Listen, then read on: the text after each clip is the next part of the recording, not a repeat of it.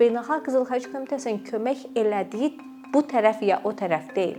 Beynəlxalq Qızıl Xaç Komitəsinin kömək elədiyi münaqişədə iştirak etməyən insanlardır.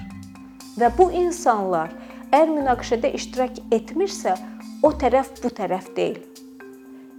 O tərəf bu tərəf döyüşdə iştirak edənlərdir.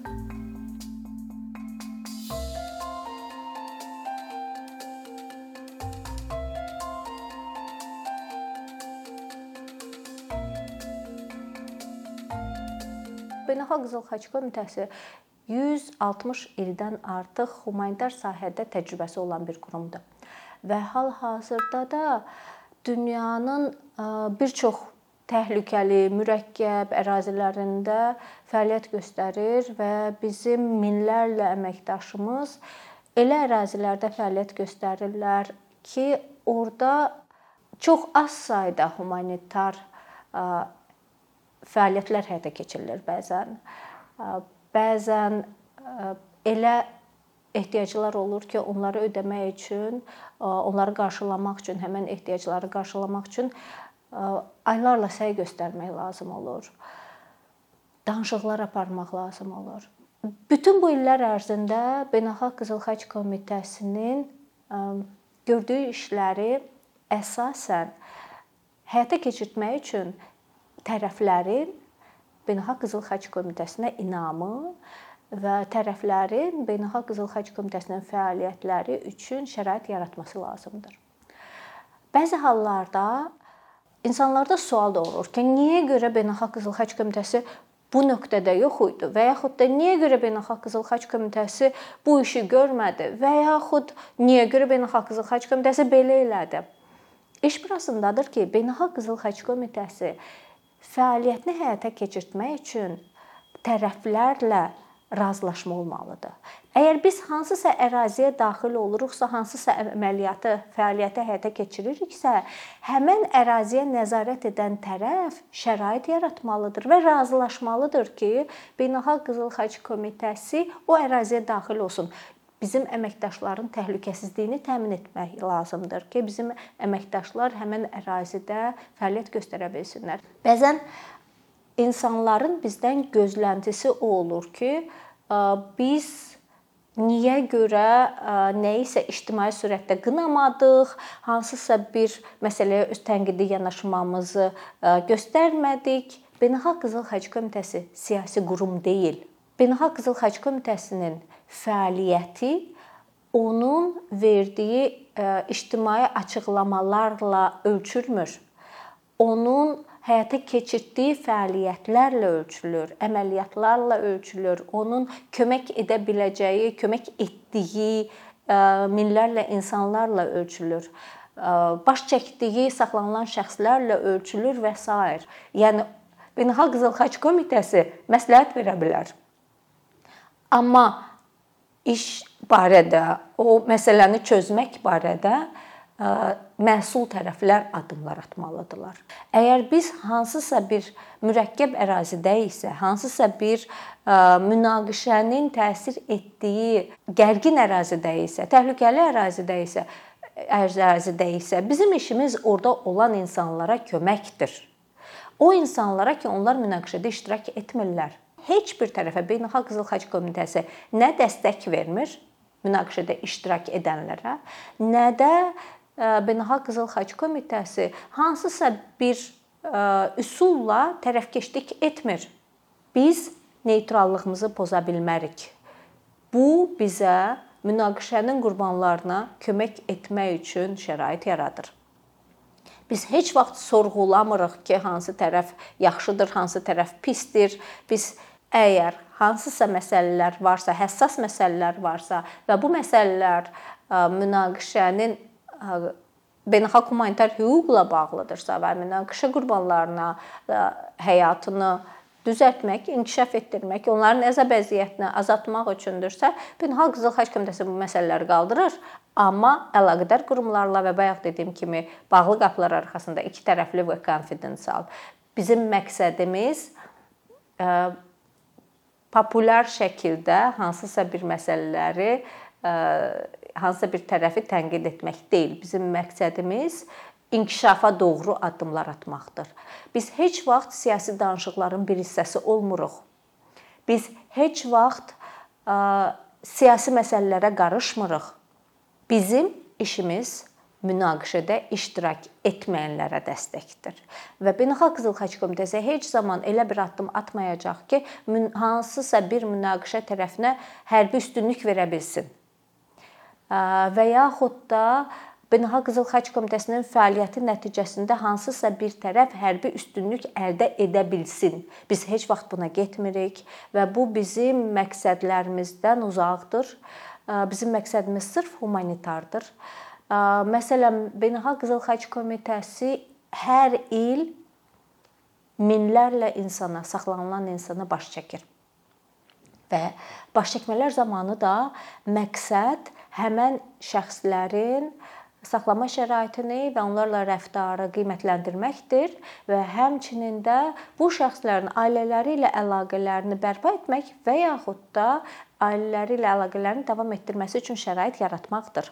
Bu fəaliyyətlər dövlətlərin Beynəlxalq Qızıl Xaç Komitəsinə verdiyi mandat əsasındadır. Hüquqi çərçivədədir. Yəni bəzən deyirlər ki, niyə Beynəlxalq Qızıl Xaç Komitəsi kimisə azad etmədi və yaxud da kimə isə baş çəkmədi? Biz bu məsələni qaldıra bilərik. Amma Beynəlxalq Qızıl Xaç Komitəsinin kimə isə baş çəkməsi üçün tərəflər şərait yaratmalıdır. Tərəflər öz üzərinə götürdüyü öhdəlikləri yerinə yetirməlidir. Və yaxud da azad etməklə bağlı qərarı verən saxlayan tərəfdir. Və razılaşma da tərəflər arasında olur. Beynəlxalq Qızıl Xaç Komitəsi bu məsələdə qərar verən deyil, qərar verən tərəf deyil. Biz sadəcə olaraq tərəflərə təkliflər verə bilərik, məsləhətlər verə bilərik. Tərəflər razılaşdıqda azad etməyə, bu əməliyyatın həyata keçirilməsinə dəstək verə bilərik. Amma bayaq dediyim kimi, azad olunma barədə qərarı verən tərəflərdir, saxlayan tərəfdir. Beynəlxalq Qızıl Xaç Komitəsi deyil. Və yaxud biz münaqişənin təsir etdiyi ərazilərdə yaşayan insanlara müxtəlif yöndə dəstəklər veririk.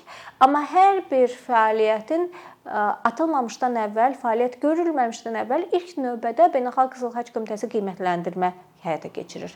Şəraitin, vəziyyətin qiymətləndirilməsini, ehtiyacların qiymətləndirilməsini. Niyə? Çünki ehtiyac eyni ola bilər. Amma onun qarşılanma yolları hər bir ölkədə, hər bir ərazidə müxtəlif ola bilər. Məsələn, bir ölkədə tələb olunan ərzaq növü bir ola bilər, başqa ölkədə ərzaq növü başqa ola bilər. Yəni bunu bilmək lazımdır ki, əhaliyə onun tələbinə uyğun dəstək verilsin. Və buna görə də biz hansısa bir addımı atanda ilk növbədə qiymətləndirmə həyata keçiririk ki, bilək ehtiyaclar nədir və bunun üçün də Beynəlxalq Qızıl Xaç Komitəsi o ərazidə olmalıdır. O ərazidə olmalıdır ki, insanlarla danışa bilsin, insanların ehtiyaclarını öyrənə bilsin və ona uyğun da addım ata bilsin. Biz dövlət deyilik və dövlət qurumlarının edə biləcəyini Beynəlxalq Qızıl Xaç Komitəsi heç vaxt eləyə bilməz və o iddiada da deyil. Biz sadəcə olaraq dövlət qurumlarına dəstək verə bilərik.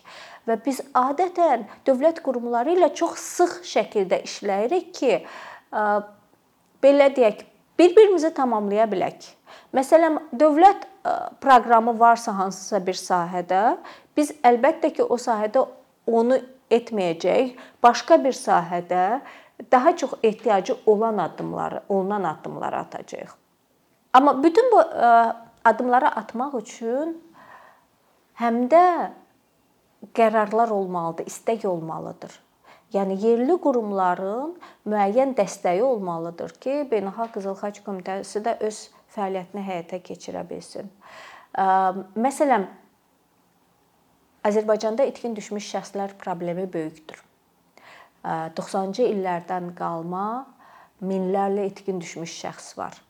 Və bu ailələr 30 ildən artıqdır ki, əzizlərinin Taleyi ilə bağlı məlumat istəyirlər.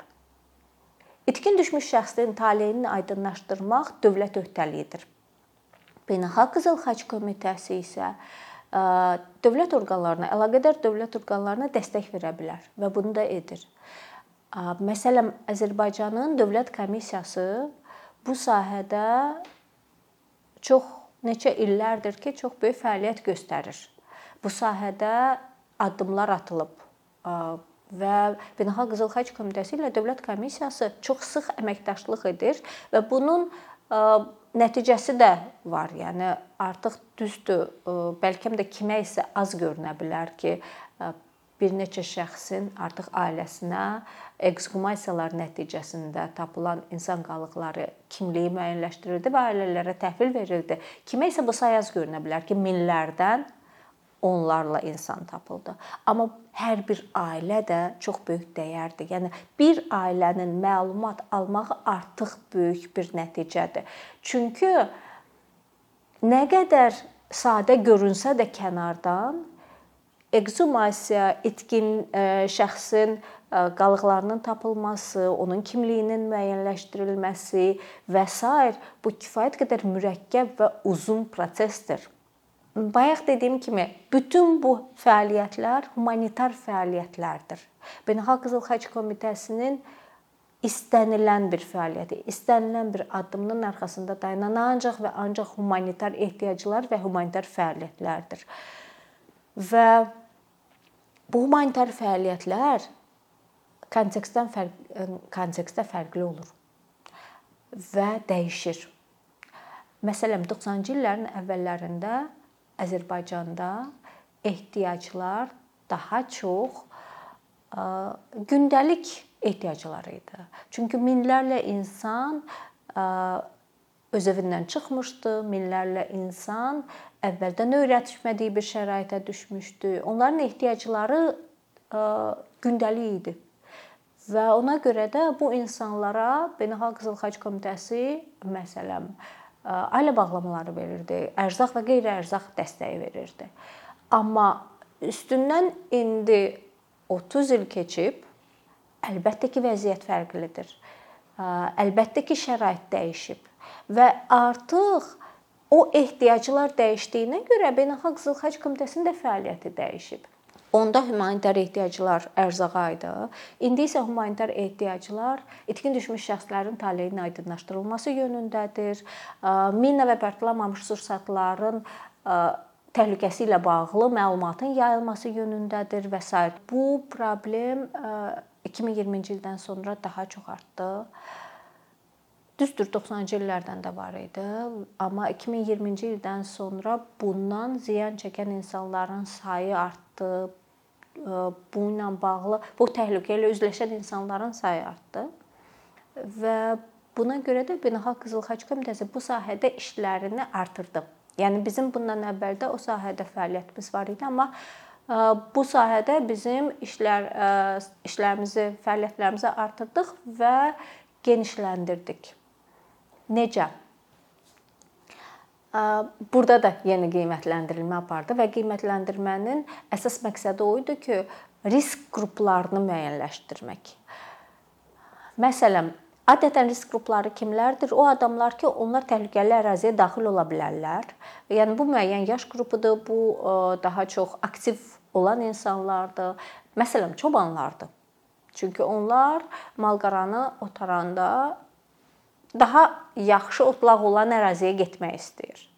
Və və yaxud da malqara elə bir əraziyə keçə bilər ki, o ərazi minalanmış ərazidir. Və bizim əməkdaşlar aydınlaşdırdılar ki, əlbəttə çobanları da bir yerə yığmaq və yaxud da onları da tapmaq biraz asan məsələ deyil. Məsələn, yaylaqlara gedirdilər onların daha çox olduğu ərazilərə gedirdilər ki, məlumat sessiyaları keçirsinlər və yaxud da Malqara bazarında xüsusi sessiyalar keçirdirdilər ki, Malqara bazarında onlar bir araya gəlirdilər və orada sessiyalarda iştirak edirdilər. Çayxanalarda adamların daha çox toplandığı ərazilərdə, çayxanalarda sessiyalar keçirdilər. Hətta ev-ev, qapı-qapı gedərək o ərazilərdə yaşayan insanlara sessiyalar keçirdilər və məqsəd odur ki, insanlarda məlumat olsun. Yəni mina təhlükəlidir, ona yaxınlaşma indi işləmir. Çünki hər bəzən elə adamlar var ki, onlara elə gəlir ki, mənə heç nə olmaz, çünki mənim hər şeydən xəbərim var. Amma mina gözlə görünmür heç də həmişə və yaxud da ə, Patlamamış sursat o demək deyil ki, həmişə onu görürsən və bilirsən. Bayaq dediyim kimi emosional hisslər olur, emosiyalar olur. Bəzən insanlar qəbul eləyə bilmir ki, niyə bu tərəfdən kömək elədin, niyə o tərəfə kömək elədin. Beynəlxalq Qızıl Xaç Komitəsinin kömək elədiyi bu tərəf ya o tərəf deyil. Beynəlxalq Xaç Komitəsinin kömək elədiyi münaqişədə iştirak etməyən insanlardır. Və bu insanlar Əgər münaqişədə iştirak etmirsə, o tərəf bu tərəf deyil. O tərəf bu tərəf döyüşdə iştirak edənlərdir. Və döyüşdə birbaşa iştirak edənlər üçün də Beynəlxalq Qızıl Xaç Komitəsi heç vaxt heç nə etmir. Biz döyüşdə iştirak etməyənlərə yardım edirik. Mən bunu təkrar-təkrar dedim, amma budur ən vacibi. Və bir məsələ var istənilən münaqişə bitir. Davamlı olan elə bir münaqişə yoxdur. Tarixdə 100 illərlə davam edən münaqişələr də bitir sonunda. Və əgər tərəflər qaydalara riayət edirsə, humanitar yanaşma varsa, beynəlxalq humanitar hüquqa riayət olunursa, o halda münaqişədən sonra bir-biri ilə barışmaq, bir-biri ilə yaşamaq daha asandır. Münaqişə münaqişədə onun da qaydaları var. Əgər humanizm prinsipi pozulmursa, insani yanaşma pozulmursa, bu gələcəkdə həmin o münaqişədə olan tərəflərə birgə yaşamağa daha birgə yaşamağa daha tez öyrəşə bilərlər. Bunun üstündə qurulur hər şey. Yəni hər bir şey insan üçün. O insan üçün ki, o münaqişədə təqsirkar deyil və o münaqişədə iştirak etmir.